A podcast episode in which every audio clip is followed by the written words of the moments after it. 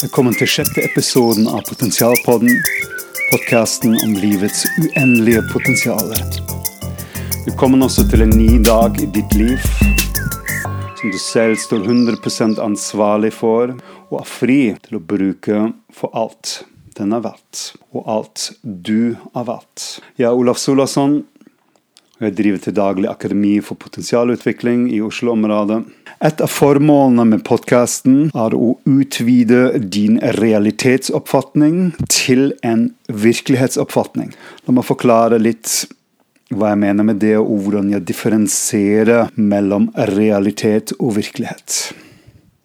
Realitet er det lille bildet som vi snekrer oss sammen om hvem vi er, hva vi er identifisert med, hvordan vi oppfatter vår omverden, samfunnet, livet per se. Virkelighet er i min bok og i denne podkasten og i ordets etymologiske betydning det som virker, det som er virksom bak kulissene.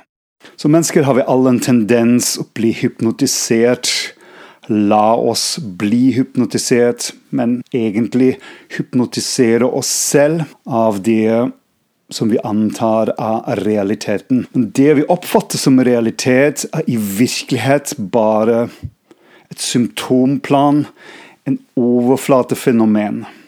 Akkurat som i en Hollywood-film, da man bygger alle mulige kulisser for å skape en illusjon om realiteten. Og vi har alle en tendens til å gå disse illusjonene på limpinnen.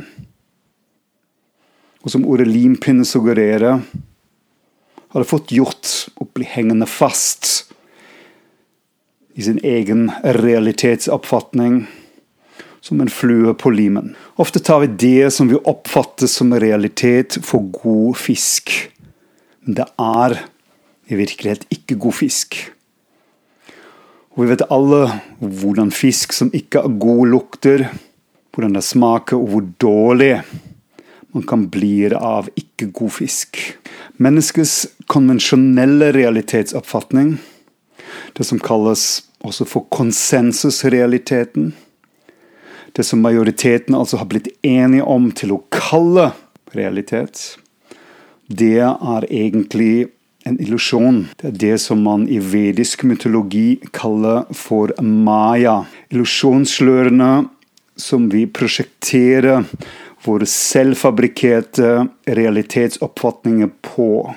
Som en film på en lerret. Denne filmen, det må vi være klar over, den har alltid sin utgangspunkt i ens eksisterende indre realitet. En slags indre skript en indre manus bygget av gammelt psykisk, psykogenealogisk og kanskje karmisk materiale og programmeringer. På den måten blir det fort slik at vår realitetsoppfatning kan bli til en selvoppfyllende profeti. Fordi vi prosjekterer vår egne indre film på lerreten av våre selvvevete mayaslørene.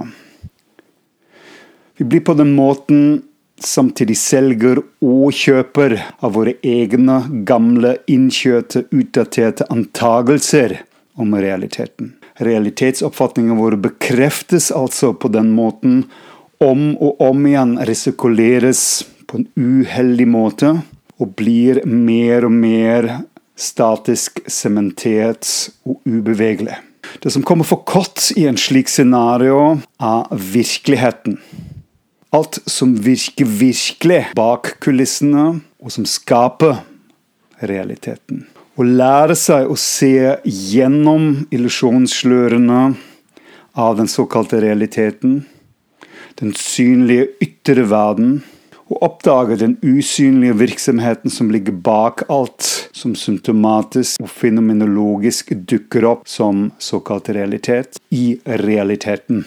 I siste konsekvens er det alltid virkeligheten som er virksom bak realiteten, som er skapende virksom, og i konsekvens bringer frem det som vi oppfatter som realitet. Derfor kan det være smart å befatte seg like mye med virkeligheten bak kulissene som med den symptomatiske realitetsoverflaten. Kanskje til og med befatte seg mer med virkeligheten bak overflaten, siden det kan potensielt gi et suverent bedre, dvs. Si mer utviklende, forståelse om hva den realiteten som vi møter til enhver tid, i virkelighet handler om. Det jeg prøver å suggerere her, er at i stedet for å forbruke uhyre mengder av energi til å fekte med realiteten og bekjempe realitetens symptomer, som er jo bare overflatefenomener, og ikke det det virkelig handler om, virker det mer meningsfull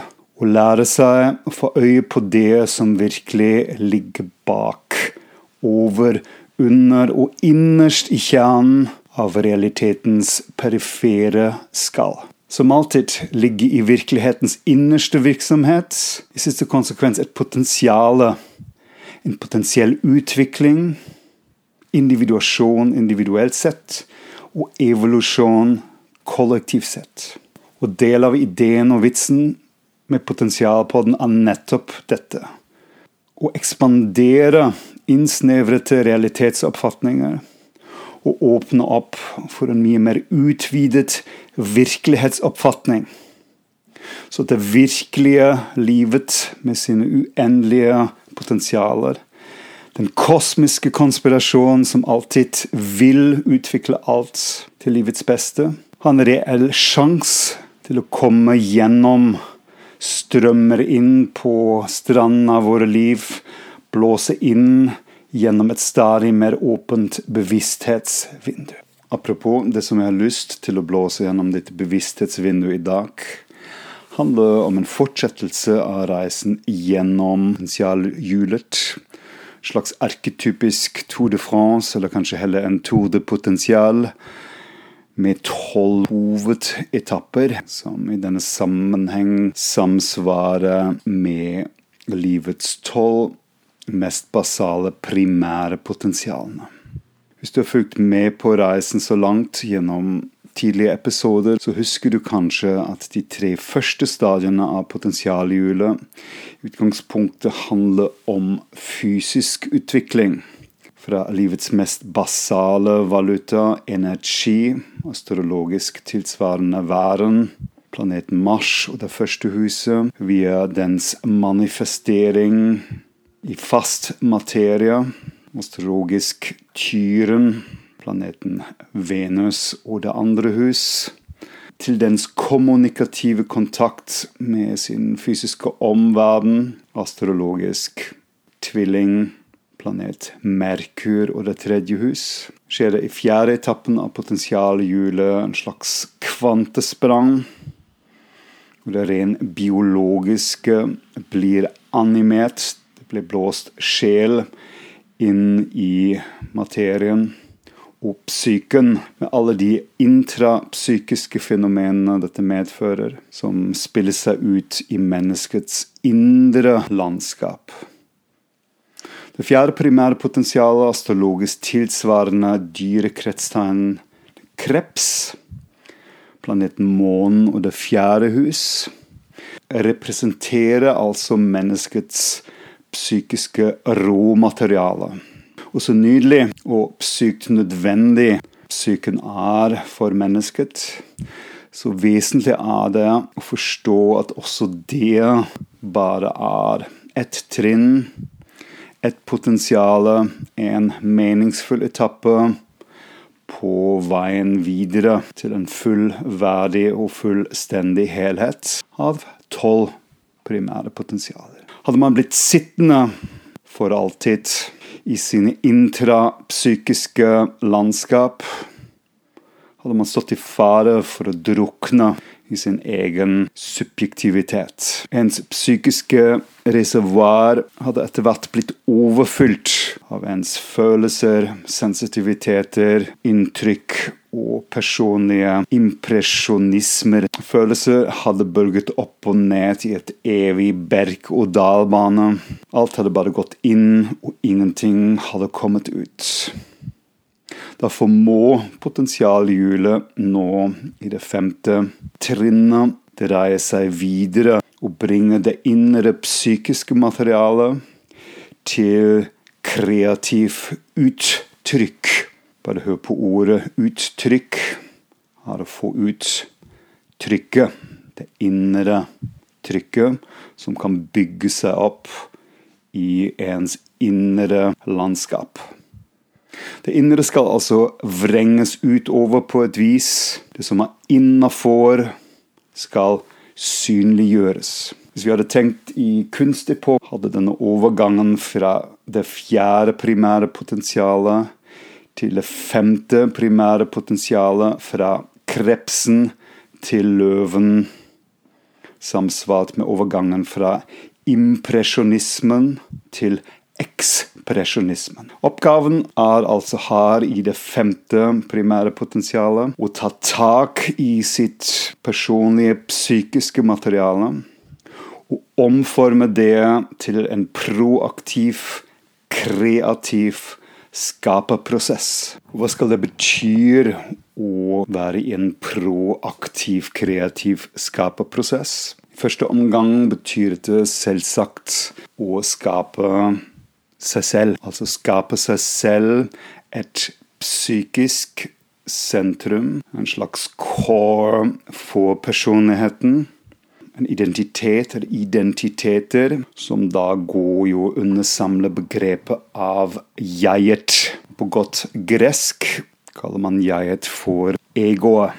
Jeg vet at ordet ego har fått en litt dårlig bismak i disse dager, spesielt innen selvutviklingskretser, men uh, det mener jeg er absolutt en misforståelse. Fordi det man egentlig refererer til eller reagerer på, er ikke ego, men egoisme. Og egoisme er ikke en sunt ego men egentlig en såret, en skadet ego som ytrer seg gjennom en slags overdimensjonerthet og gjennom det at jeget blir for oppblåst og på et vis driver med maktmisbruk. Altså en egoisme som ser ingenting annet enn seg selv og sine egne behov.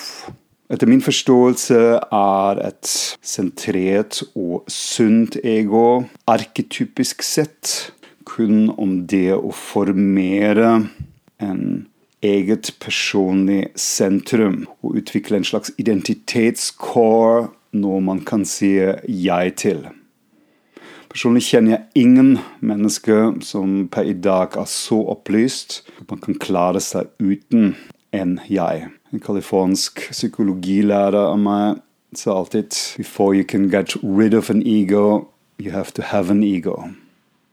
Etter min forståelse, og også etter forståelsen av horoskophjulets utviklingslogikk, trengs det også dette femte primære potensialet. Løveenergien er en uunnværlig del av helheten og utviklingen av helheten. Prøv å kutte ut løven og det femte primære potensialet hadde vært som å ta ut hjertet eller et annet vitalorgan ut av kroppen og antar at det kommer nok til å gå bra uten. Det gjør det ikke. Alle mennesker trenger å utvikle en ego, en personlig core, som skal være utgangspunkt til å skape sitt liv gå i en kreativ skaperprosess, hvor man etter hvert skaper mer og mer det livet man virkelig elsker. De organer som er uh, astromedisinsk relatert til løven og det primære potensialet, er hjertet. Og hjertet har alltid vært en symbol for kjærlighet og for det man elsker. Så dette femte primære potensialet handler på et vis om det og bli hersker, en skapende, kreativ hersker av sitt eget liv, og beherske sitt eget liv. Det er ens indre konge eller indre dronning som har som oppgave å bli en suveren hersker over sitt eget liv. Ikke over andres liv, Ikke å herse med andre. Ikke å drive med maktmisbruk. Ikke herske på andres bekostning. Som en falsk konge eller som en diktator. Som utøver maktmisbruk for å kompensere for sin manglende jeg-kjerne. Men som ekte konge, en ekte dronning, en ekte solkonge. Solen er planeten som sagt som er relatert til løven og det femte hus i hussystemet. Akkurat som solen, som danner en slags naturlig magnetisk midtpunkt av solsystemet, som på et vis holder solsystemet sammen med sin strålekraft. Man hadde kanskje ikke funnet på å beskylde solen for maktmisbruk eller overdrevet egoisme. Vi hadde bare sagt solen den den naturlige er, og den gjør det som den naturlig skal. Og det samme er det med det femte primære potensialet. Hvis du ikke husker noen ting av det jeg snakket om nå, så husk bare det ene nemlig at det femte primære potensialet står for vår solare skaperkraft. Og den skal man i første omgang, som med alle potensialer, utvikle for seg selv, som man trenger i første omgang, utvikle for seg selv. Og når dette femte primære potensialet akkumulerer kraft får mer og mer muskel, så å si, så blir denne strålkraften også noe som stråler utover og gi noe av sin solare varme, kraft, karisma, utstråling til andre mennesker. Eller til livet per se. Dermed handler dagens lille hjemmelekse for deg, forutsett selvfølgelig at du har lyst, om det å reflektere litt for deg selv om hvordan det står til med ditt femte primære potensial. Din indre og ytre løvekraft, så å si. Din solare virksomhet i ditt liv og livet per se. Det handler selvfølgelig ikke om det å kritisere eller dømme deg selv for det som du kanskje ikke enda har utviklet eller helt utviklet, men mer i mindfulness-ånden. At man stiller seg selv bestemte spørsmål og observerer sin egen prosess. Så spørsmålet her kan f.eks. være hvor mye du elsker, og nå mener jeg genuint elsker, ditt liv? Hvor mye elsker du det livet du lever i dag? Svarer du f.eks. For, for deg selv livet er som passe, eller greit nok? Kan det være en indikasjon for at ditt femte primære potensial trenger mer bevisst oppmerksomhet? Kjenner du f.eks. at du mest overlever enn at du virkelig lever ditt liv fullt ut, kan det hende at du bør vie mer oppmerksomhet til din solare, kreative skaperkraft. Husk at f.eks. en bore-out, altså det å leve et svært uinspirert liv som er preget av rutiner og gjentagelser, og uten at hjertet stråler som solen på himmelen, er minst like alvorlig som en burnout. Begge er forresten to sider av samme sak.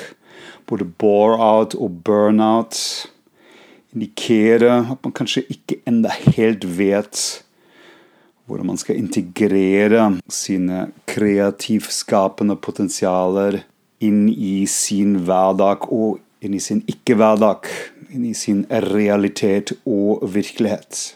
Så gjør deg selv en tjeneste og spør deg selv noen av disse spørsmålene. Fordi det geniale med livet, vår medfødte, overordnede intelligens, er nemlig det følgende. Jo bedre spørsmål man stiller til seg selv, desto bedre blir svarene. Og med bedre mener man kvalitativt bedre.